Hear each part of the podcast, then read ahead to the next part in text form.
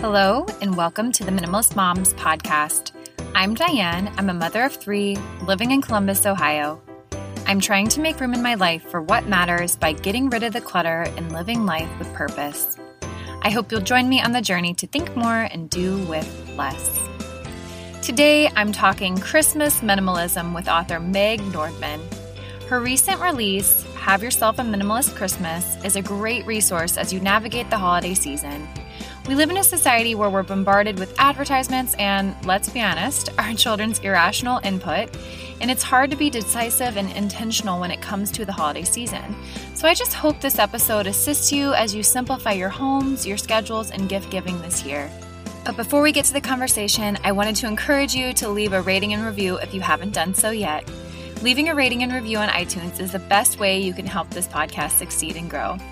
Another way to support the podcast is by checking out some of the advertisers I display here on the show, such as BetterHelp. Is there something interfering with your happiness? Is something preventing you from achieving your goals? Mental health has become much more of a topic of conversation and just something that we're aware of and more comfortable talking about these days. However, there can be a lot of stress associated with trying to find the right healthcare provider, especially in the times that we're living in right now. That's where BetterHelp online counseling comes into play. With BetterHelp, I have been able to see the ease in which you can receive that care that you're looking for. I just had to go onto the website, fill out a survey of what I was looking for, and was all set up with my own personal counselor.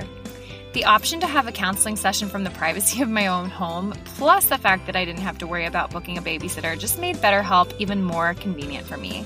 They make it very painless and easy for you, which is really beneficial for a mom of three. In fact, so many people have been using BetterHelp that they are recruiting additional counselors in all 50 states. So if you've really struggled with just trying to find the right therapist or someone to talk to in regards to mental health, this is something I really do recommend. Best of all, it's an affordable option, and Minimalist Mom listeners get 10% off the first month. I want you to start living a happier life today. So as a listener, go to betterhelp.com slash minimalist and join over 1 million people taking charge of their mental health. Again, that's betterhelp, H-E-L-P dot com slash minimalist. As always, thank you so much for checking out the sponsors of the show. They really do help to make this podcast accessible to you guys. And I really hope you enjoy my conversation with Meg. It's slightly longer than our typical episode, but I feel like there's a lot here to digest and work your way through. So I really hope you enjoy this conversation.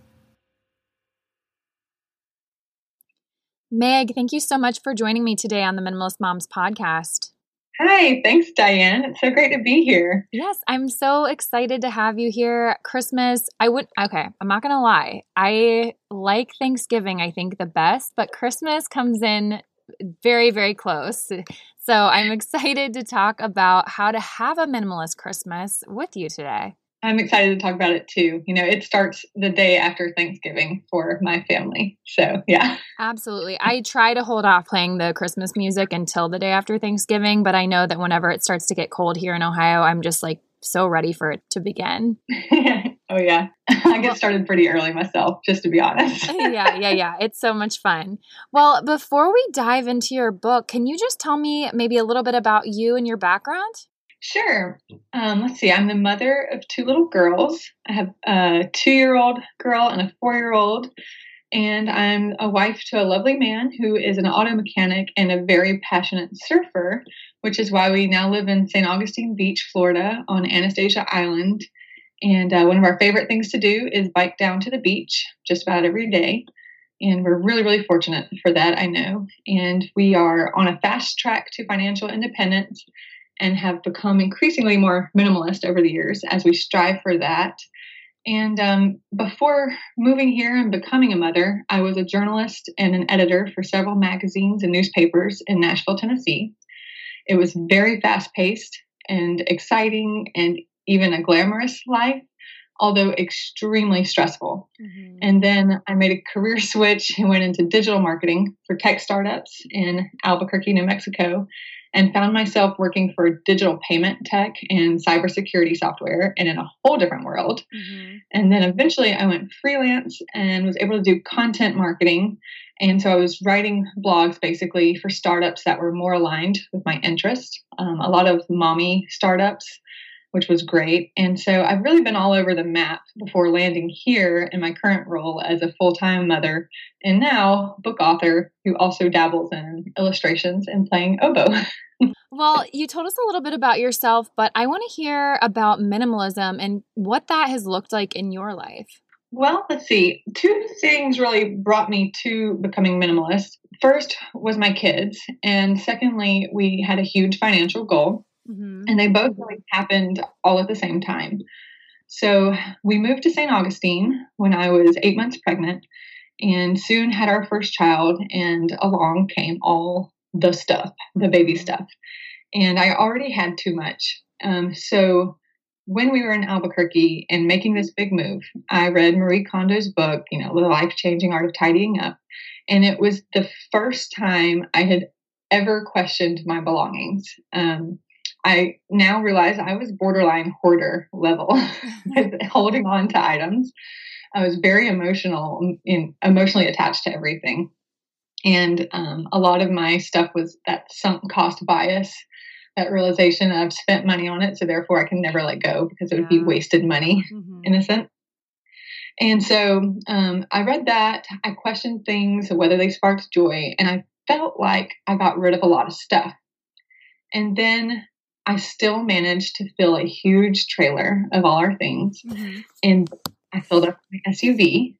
And then I had to go and rent a U-Haul truck on that very last day unexpectedly because I still had too much stuff. And then to make it worse, I had to leave things literally on the sidewalk because we couldn't cram it in. And so after decluttering, that is how much stuff I still had. and so we moved to St. Augustine into the 750 square foot house, mm-hmm. and stuff literally could not come into the house. I had to re question some more and declutter again. The house was still packed. And then I had this baby and she started walking by about eight months. And that toddlerhood just started really early, and things get really messy yeah. and really chaotic and overwhelming once they can drag things around. Mm-hmm. and that was about this point. I was, I had, you know, just left this fast paced career life and became a full time mom. And I started feeling really depressed and exhausted and I, I, couldn't find any time for myself mm-hmm. to do any of the things that bring me joy like writing or art or making music and i also i couldn't be present with my child in the way that i wanted to be because i was always busy cleaning just constantly picking things up mm-hmm. and so it finally occurred to me one day um, so my husband was already pretty minimalist and he was very gently urging me to embrace this mindset. Mm-hmm. And I guess it finally clicked that less stuff means there's less to clean and manage, which equals more time. Mm-hmm. And time was my most valuable asset. And so I could get the time to do these creative projects and the time to be present with my child if I could just get rid of it. Yeah. And so that was really, it wasn't back in New Mexico when I read Marie Kondo's book. It was really when I hit this breaking point.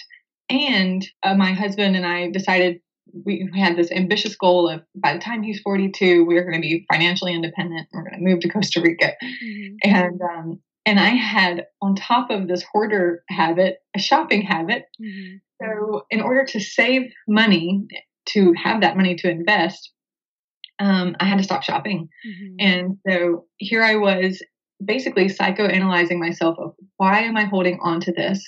And then also analyzing myself of why do I feel compelled to buy this?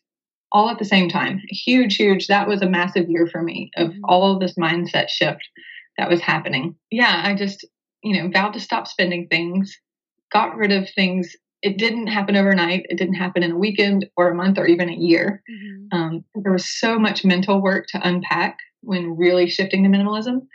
Um, people say declutter your house that really encompasses internal work. Yeah. Um, yeah. So that was how I, I got to this point of really being a minimalist. yeah, no, that's great. Yeah, you're right. When you are decluttering your home, it really does come down to what are my decisions I'm going to make for every item in this house. And it's yeah. either it stays or it goes. So it is, that's really tough because there's so many items that we're emotionally tied to. Like you said, you just felt so sentimental towards some of these items, especially I think as our children are growing. I feel like it's really strong in those baby years and toddler years because it, it just happens so quickly. So I think that for me, I can, I, am speaking for myself, I feel like it becomes so emotionally difficult to get rid of those things, but also you yeah. want that precious time because if you're if you're spending all this time cleaning up after your kids then you're not going to have time to actually spend with them as they're growing so it's like i need to put that into perspective and just get get the stuff out exactly yeah it was you know clinging to the past self of mm-hmm. you know this kind of sense of if i get rid of this thing do i lose the memory of being that person, mm-hmm. you know, or the guilt because my mom gave me this lovely antique, even though that's not really my style right now. Yeah. But my yeah. mom gave it to me, so I can't. There's, there's so many reasons. I could list like a dozen reasons that I finally honed in on why I felt compelled to help hold on to everything. Yeah. and I let go of it all well, that's awesome. But what made you transition into holiday minimalism? This is what you're here for today. You wrote this book on how to minimize during Christmas time. I guess what got you to that initial initial point of decluttering to here you are writing this book about Christmas minimalism? Yeah. Well, um, so firstly, despite my efforts to declutter and save money throughout the rest of the year, I still had a huge problem with going overboard with playing Santa each year. Mm-hmm. I wanted to give my children that feeling of magic that I remembered from my own childhood. Though looking back, when I really look at it, Christmas was much, much more simple back then. Mm-hmm. But I remember that feeling of magic. Couple that with all of the influencer marketing on Instagram and all the picture perfect Christmases that you see on Pinterest um, I guess I kind of warped that into I needed to create this this perfect Christmas in order for that childhood magic to occur. Mm. And you know, really, you have to realize these influencers have sponsorship deals mm-hmm. or at least free products, and it's their business model to create these beautiful magazine worthy images. Mm-hmm. So, course, everything they have, they can stage and curate it perfectly. They're masters at photography and apps and filters. Um, and I was just falling for it hook, line, and sinker. Mm-hmm. I saw the wooden mini guitar next to the mug of hot chocolate, overflowing with gooey, lightly toasted marshmallows and a mm-hmm. plush throw blanket and some twinkle lights and matching wooden train set and smiling children and their matching striped pajamas. And I tried to recreate that in my real life, mm-hmm. but it's not life. you can create magic, absolutely, and you can have beautiful moments. But I was really killing myself trying to make the entire month of December be like one perpetually perfect Instagram feed. Mm-hmm. And so I fell into that trap of trying to buy all the stuff mm-hmm. and just trying to do all the stuff. Um, you know, my Facebook events were always suggesting all these quaint little, you know, local Christmas market here and Santa will be here. And um, I was really kind of dragging everyone around to all this stuff. So it was twofold, mm-hmm. you know. Mm-hmm. Um, so I was trying to rein it in um, and become more intentional. And at the same time, I I'm in all these minimalist mom Facebook groups and different minimalist groups on Facebook. And I kept seeing the same question be asked over and over and over again of, hey, I've been decluttering and we finally got the house manageable and the kids are doing better. But my grandmother or my mother or my aunt, um, you know, insert family member or close friend, mm-hmm. um, they won't stop giving me gifts. She's mm-hmm. already buying things. She's already asking me what they want. But I've told her we're minimalist now. Don't buy us anything. She doesn't understand. And she thinks it's nonsense or I'm depriving our children um, or I'm depriving her right as a grandmother and she refuses to stop. So she's mm-hmm. sabotaging all of my efforts. And how do I get through to her that we don't want any more things? And I saw some iteration of that a thousand times among these probably 30 groups I'm in. Mm-hmm. and it occurred to me that it wasn't just me having this problem of needing to curb my own struggles with mm-hmm. buying things and doing all the things, and then also my own struggles with some chronic gift givers in my family. But all these other people were struggling, and some of them were well practiced minimalists, and others were brand new minimalists. But we all had these same pain points. And so I started looking at these questions being asked around the fall And it occurred to me there wasn't already a book written about this. And it just, the topic spoke to me. And because I had this free time because of minimalism, mm-hmm. I now had the time to be able to do a creative project like writing. Mm-hmm. I sat down and started writing it. no, that's wonderful. On the podcast, we've discussed holiday minimalism, but your book just goes so in depth, more so than we would have for a small episode. So I guess I just want to unpack a little bit of your book. I'm not gonna, we're not gonna share all of your tips, but I want to just unpack a few things here. And one of the first questions I would have for you is why do you think it is that some people just feel so compelled to give so much? I definitely am a believer in the love languages, and I know for my family, we have some individuals that giving gifts is their love language, but I feel like there must be something deeper. So, what would you say? Yeah, um, there's several things um, that come into play with the people that I call like the chronic gift givers. Yeah. Um, yeah. And the first is to realize that grandma or the aunt or the best friend, whoever it is that's the big gifter in your life, they're not trying to sabotage you. Mm-hmm. They just don't understand your desire for less. Mm-hmm. And there's several things coming into play. So before you even begin to try to ask them to stop giving so much, you have to understand why they're giving them. And the first is society has convinced them through advertisements and marketing and culture that they need to give more, bigger, better presents. That's the message being sold constantly. They have to find the perfect gift for everyone they know. And these days, it's now becoming plural. So it's the perfect gifts mm-hmm. for everyone. And then, like you said, um, another thing coming into play would be the love languages. Mm-hmm. And um, yeah, so I'm a big fan of Gary Chapman's book, yeah. The Five Love Languages. And um, and if there's any listeners that don't know, that is a quick summary: is that there's five ways people give and receive love and it's physical touch, acts of service, words of affection, time spent together, and then lastly, drumroll, gifts. Mm-hmm. They truly only know how to express their love by giving gifts. And this is a season of expressing love. And so these particular folks tend to go overboard because they are trying to say, I love you mm-hmm. as loudly and clearly as possible. And then, thirdly, related to that, um, love language theory, is that we receive a chemical cocktail boost in our brain when we give something. We get a surge of dopamine and oxytocin, and our brains register this as pleasure and love. Mm-hmm. And we chemically feel this joy and love rush through our brain and our body because the act of giving is now releasing these endorphins. Mm-hmm. So the gift giver is particularly susceptible to craving this dopamine oxytocin boost. And so it's it's what we feel when we go shopping and we can get an addiction to it. Mm-hmm. And so they're getting that when they buy the gift and they're getting it twofold. So when they give the gift mm-hmm. and they don't understand their own body and brain chemistry and what's, you know, that compulsion to shop and give is doing. And then lastly, um, I would think that another thing driving them would possibly be something from their own past. If someone didn't have a whole lot as a child growing up, which is often the case for the older generations, then they tend to want to make up for it mm-hmm. uh, by giving abundance. So everyone wants that next generation to have it better than their own. And even us as parents, you know, we do the same thing. Mm-hmm. So now there's this abundance in wealth and material objects. There's so much available and it's made so quickly and cheaply. So it's relatively affordable. And it's just so easy for these folks who have this urge to do more for the next generation mm-hmm. for them to acquire and give that. Mm-hmm. So a lot of all four of these driving forces at play all at once.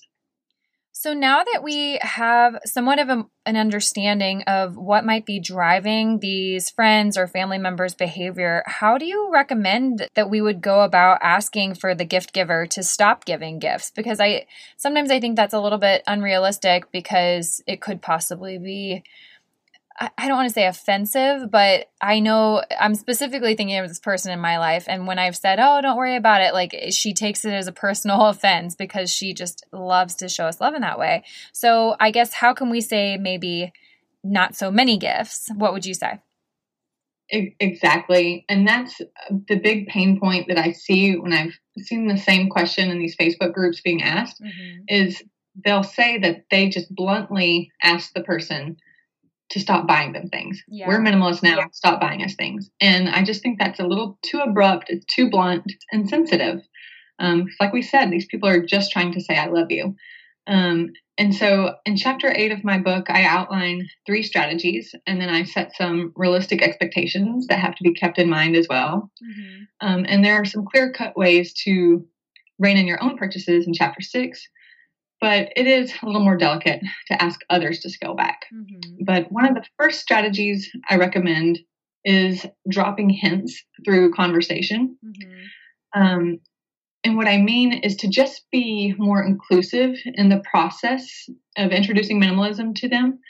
And really, the best way to do that is just to say, you know, hey, we just decluttered the kids' room and all of our closets, and it's been so freeing. You know, I, I think the kids were overwhelmed by the amount of stuff in their rooms. Mhm. They were incapable of cleaning it by themselves, and it was distracting from schoolwork. Uh, we couldn't find shoes in the morning. They don't really know what they want to play with because there's just too much. Mhm. If you kind of, in conversation, casually detail the problems that you're having uh, authentically, and then start raving about the big positive differences. Mhm. Now you can say, uh, but now it's been so much easier to get ready for school in the morning because we've only got two pairs of shoes and five outfits, and little Jimmy gets his homework done, and he's much happier now that he's only got a few toys to choose from to pick to play with. And so you're having a, a genuine conversation and sharing how you've made positive change. And there's no blame.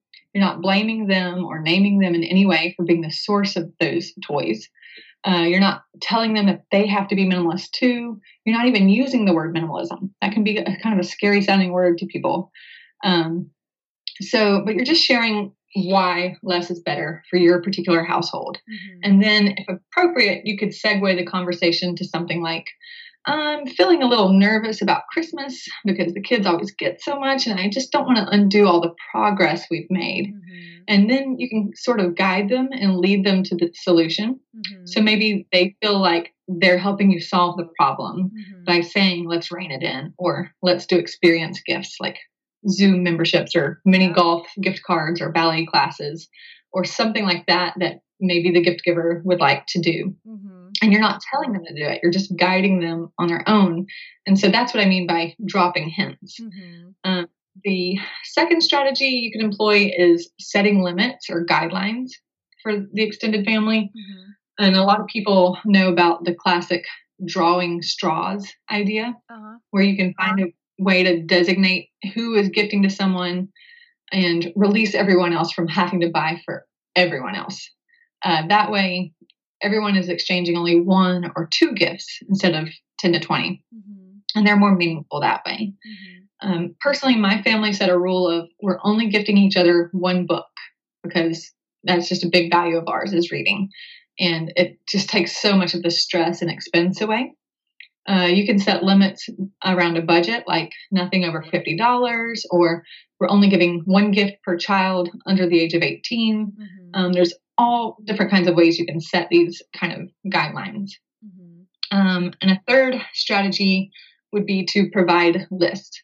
So you may not be able to get these gift givers to stop giving gifts altogether. Mhm. So rather than allow unwanted, unusable, unloved gifts that will become eventual clutter for you, Mhm. just make sure you provide them with a list of things that you do need for your household or that you or your child would love. Mhm. Um, so maybe you're trying to not have so much plastic and blinky lights and you want more Montessori wooden things.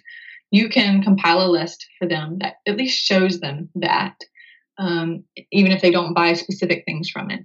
And to me, Pinterest has personally been the best way to share that. So I just have one link that I send to the grandmas and aunts. And, you know, I'll have one for each child since they're in different age brackets. Mhm. And with Pinterest, you can pin things from, you know, it can be from Amazon or Etsy or Walmart or Target, and it's all in one place. And that way they have more of a sense of what would be welcome in our household. But you could do it, you know, you can do an Amazon wish list, or I think you can even do it just with, you know, Target or Walmart or something like that. But um, I really recommend Pinterest because you can put it all into one place and just have one link that you share so that you don't overwhelm them. Yeah, um, that's a great idea. Yeah. I haven't, I've never thought of Pinterest before. I always just send an Amazon list, but there are things that I don't necessarily want that are on Amazon. I would like to maybe shop local or give those links. And so then I feel like, I don't know, I don't feel like it's as put together and organized. So I really like the idea of utilizing Pinterest. I think that's super unique. Yeah. And I think uh, if I'm correct, Amazon, I don't think you can pin directly from their site, mm-hmm. but if you just grab the URL for the item you want, mm-hmm. you can go directly into Pinterest and press the little plus sign and manually add it in. Yeah, I really like yeah. that tip. And I think you're right. I think for us, the thing that put our family on board with it most of all has been us living this lifestyle year after year. It's definitely taken time for some of these family members to understand what we mean when we're trying to live with less. And now that they see us living this out and they see the way our home is decorated or not so decorated, that they, it's, for some reason, I think it takes that to be a light bulb moment. So I totally agree with just letting them, like having those organic conversations, but also like by living out what you're saying that you're going to be doing.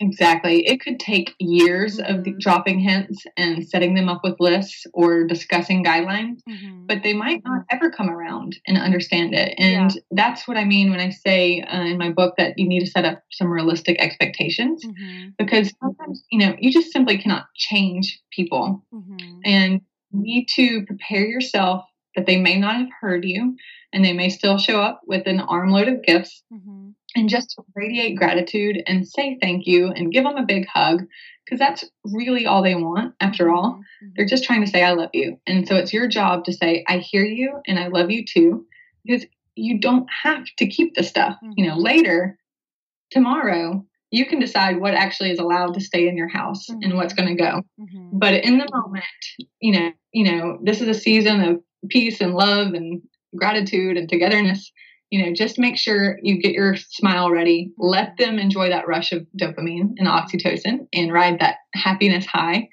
And don't take that from them. Just share it with them and feel that joy and be present. And, uh, you know, 98% of them are not trying to sabotage you.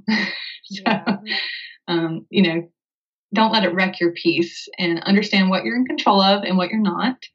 And, um, you know, you can deal with the items and the clutter later. Mm-hmm. No, that's great advice. So, my next question for you is that when we have little kids, I think it's somewhat easier to navigate uh, maybe giving them fewer gifts. But for kids that have been getting a certain amount of gifts for their 10 years of life, how, I guess, do we go about saying we're setting new boundaries with gift giving? How do we prepare a child for a Christmas with fewer gifts when they're used to maybe a certain number or just Christmas looking a certain way?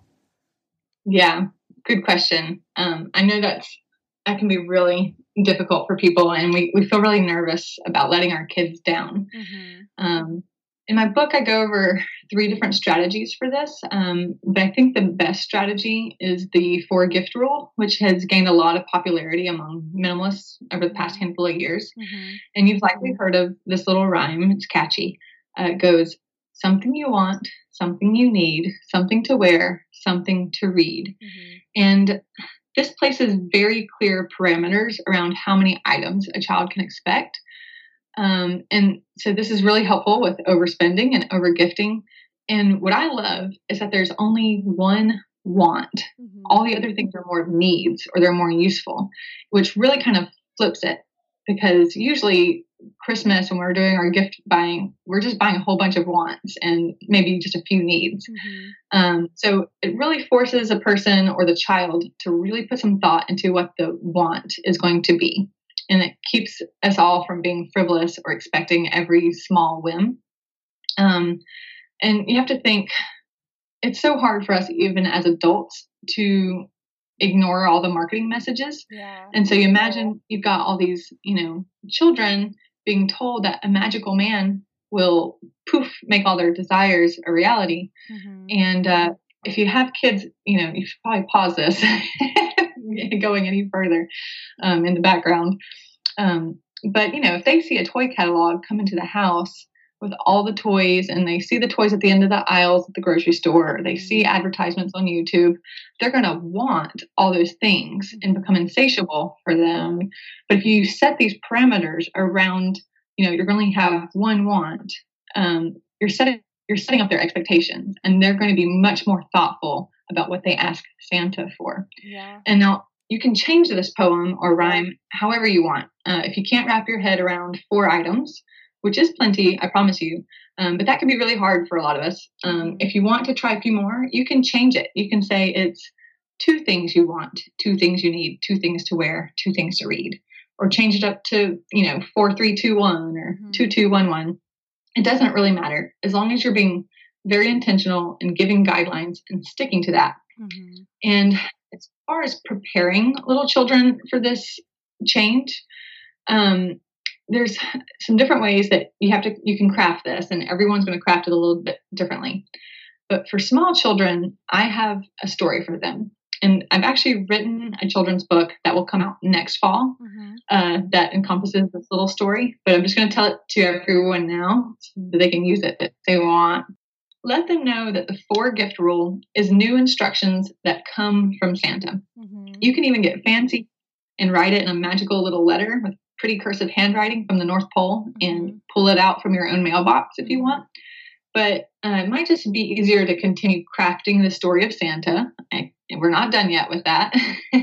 and let them know that this is a new rule from Santa. Mm-hmm. So my story is that the joyometer has gone down at the North Pole, and that Santa and the elves realized it was because the children of the world had too many toys, and that they were actually happier when they had just a few of their absolute favorite things.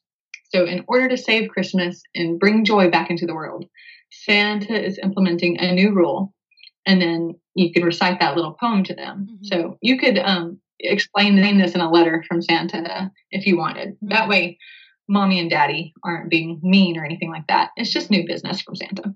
And so, you know, this would work for younger kids. Yeah. For older kids, yeah.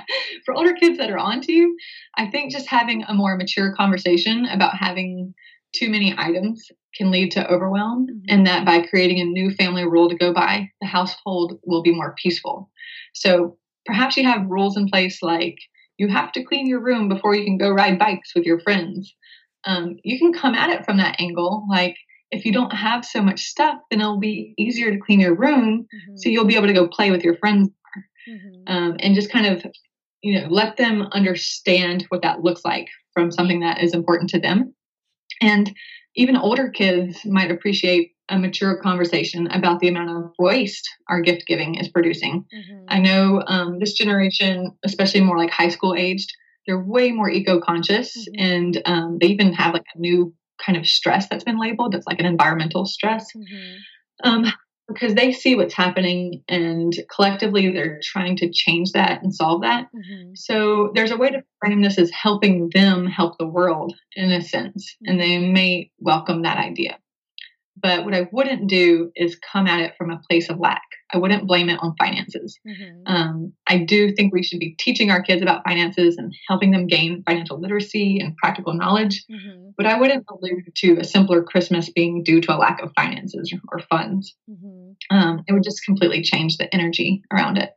Yeah. But um, you know, a, a, more mature child, maybe you know a high school senior or something, may appreciate a more candid conversation about not being wasteful and being more frugal and um, you know using that savings and for investments um, but that's the only place that i would bring in finances would be in a case like that yeah, I think it's not even necessarily about frugality sometimes because um, my suggestion in this area would be to make the magic come from the experiences. So on Christmas Day, instead of opening 12 presents. We're going to open our four presents and then we're going to watch a movie in our jammies with hot cocoa and popcorn that has green and red M&Ms in it. Like make it a moment full of experiences that are very unique to Christmas. I know Christmas in itself is magical, but I think that if you can even have things leading up to Christmas that are unique like the joy comes from those times spent with one another. And I think that you could also spend it that way. Just we're going to maybe not have as many tangible gifts this year, but we're going to do these fun things, or I'm going to let you do this or that. Whatever fits your family, I think could be a way to, I guess, like you said, spin it or um, just encourage them of how it's going to look different this year. Exactly. Just shift the whole focus off of the mm-hmm. gift giving aspect and shift it more on traditions and family time. Yeah, exactly. For sure. So, um, we're kind of getting to the end here, but I would love to know what should someone do, I guess, to start preparing. We've been talking about gifts, but what do we do to prepare for a simpler Christmas? Yeah, um, first of all, just understand this is not an aesthetic thing at all. My book has mm-hmm. nothing to do with minimalist esthetics mm-hmm. Um, it's more about slowing down and having intentionality. Mm-hmm. And so I recommend going ahead and getting the decorations down mm-hmm. and before the actual decorating day happens. Because um, you don't want the kids to, and try to do it without the kids around because you don't want them coming and digging into the boxes and and oh this was my favorite thing from when i was three years old uh, you know just do it without kids around and see what's getting worn out. Maybe there's you know red bows on an outdoor wreath that are getting faded from the sun mm-hmm. um, and start analyzing things like you would in any other decluttering situation. Um, it's just if you do it the day that you're planning to decorate you'll get all swept up in it and you won't really be objective but now you can look at it and say, you know, was this just a gift from someone that doesn't really hold that much significance to me? Was it just a hand me down from my mom's first ornaments that don't really mean much to me? Is this an old trend? Um, is this a collection that's bothersome to me every year? And start editing out things that don't serve you. Mm-hmm. For example, um, I talk about this in the book. I, I really had this ideal image of Christmas lights being on the outside of the house. And the whole family would pitch in together and we put it up together to be this fun tradition. Because I have this memory of doing that as a child. And so I'm trying to replicate it in my own life. And it just does not work with our family, at least not in this season. Because, first of all, my kids are really young and they're kind of clueless about it. And then, secondly, and more importantly, my husband is really um, eco conscious about energy waste. Mm-hmm. And so the last time I put lights on the house, I only turned them on maybe four times very guiltily yeah. because he, he was just so grumpy about us wasting energy. and, um, you know, just stay aware of these kind of things of, you know what, this isn't for our family. So I'm going to edit it out. I'm going to declutter all of the outdoor lights. That's mm-hmm. more space I gain in my mm-hmm. closet or attic. And um, I don't have to climb up on a ladder and do this and wait until, honestly, I waited until February to take it down mm-hmm. because it was just such a big project. And I realized this is just not for me. We're not going to be outdoor light people. So pull the stuff down and really analyze things in that way of is this serving us? Um, and then there are four areas um, that I recommend doing a kind of a quick decluttering through, um, and I mentioned this in more detail in my book, but I would be sure to do the kids' room, your winter wardrobe, your kitchen area, particularly your pantry, like around baking supplies and stuff, mm-hmm. and your living area. And that one will probably just take the least amount of work. Mm-hmm. But if you can just go ahead and get rid of the toys um, that you no longer need anymore, the kids aren't playing with them, and just start making room for the inevitable stuff that will come in mm-hmm. and get the winter wardrobes for everyone situated so that the whole season is just more easy mm-hmm. to handle and getting dressed and getting ready for Christmas parties or anything like that. You you know what's there. Everything fits. Everything makes you feel good that you put on. Um, and then you know what you have in your pantry. You know if you need brown sugar or cinnamon or anything like that, and everything's kind of more within reach. And so any kind of baking traditions could be much more peaceful and at ease. Just this whole chapter that I have around this is about just setting yourself up. And you're doing this in like October and November, so mm-hmm. that the month of December in particular will just go a lot more smoothly. Yeah, absolutely. I love just I would say you're streamlining decisions that you don't have to make on those more stressful days. Like if you get all of that taken care of in the beginning of the season, you don't have to worry about, oh, I'm out of cream of tartar or whatever it mm. that you need for your baking. And you won't have to find room on the shelf because you already have places to put your new toys and such. So I really like that idea of just going in beforehand, probably without kids. If you can get a few hours to yourself to take care of the stuff, it can be really helpful to just get it done and taken care of. Exactly. Yeah. Great. Well, this was so informative. And I know I've been reading through your book, and you have so much more in there to really hone in on how to make our Christmas minimalist. So I encourage people to pick up a copy of your book and honestly, maybe gift it to family members. I think it's one that should be shared all around. I would love that. Yes, and it's it'll be an audiobook print and ebook. So it could just be something that you listen to, mm-hmm. you know, while you're doing the dishes for a few hours and just get yourself ready and get in the right mindset yeah. for the the chaos that is coming and just go ahead and get control of it. yeah, absolutely. Well, where can listeners find you if they want to reach out or where can they grab a copy of your book? I know you said it's available in different forms, but where can they find you? Yeah, the, the best place to look for it would be megnordmann.com, and that's N O R D M A N N for mm-hmm. And um, I'll have links there to everything on, you know, of course, it's going to be on Amazon and Audible. Mm-hmm. And it's going to be pretty much anywhere where you can get uh, ebooks and audiobooks. You could even check it out from your library if your library has a streaming app for stuff like that. And, um, and I'll have hard copies available on my website and paperback available on Amazon. Perfect. Well, I'm going to ask you the questions that I ask every guest as we end the podcast. And the first one is What is something that you're simplifying right now? AKA, what is your minimalist moment of the week? Yeah, um, mine would be minimalist moment of the past two weeks. it's been my bathroom. So last year, I really honed in on my kitchen. Mm-hmm. And um, and when I I guess I should back up. So there's different kinds of minimalism, and there's sustainable minimalism, there's frugal minimalism, mm-hmm. and then there's you know aesthetic minimalism, and there's also just kind of that idea of sparking joy, like everything you have yeah. makes you happy. Mm-hmm. And so I kind of combine all of that, and so I'm very eco conscious. And I'm also very frugal, and I also want everything to make me happy. so, so um, I decided to start trying to do that with my bathroom. Mm-hmm. And I decluttered everything in the shower um, that was starting to collect. You know, of course, I decluttered it years ago, but it just all kind of collected again. Mm-hmm. And I got rid of all the extra shampoo and hand lotion and body wash and face wash and all that stuff and tried to go plastic free. I got um, this soap that's olive oil based called Savon de Marseille, mm-hmm. which has been lovely. And I switched to a bar of shampoo.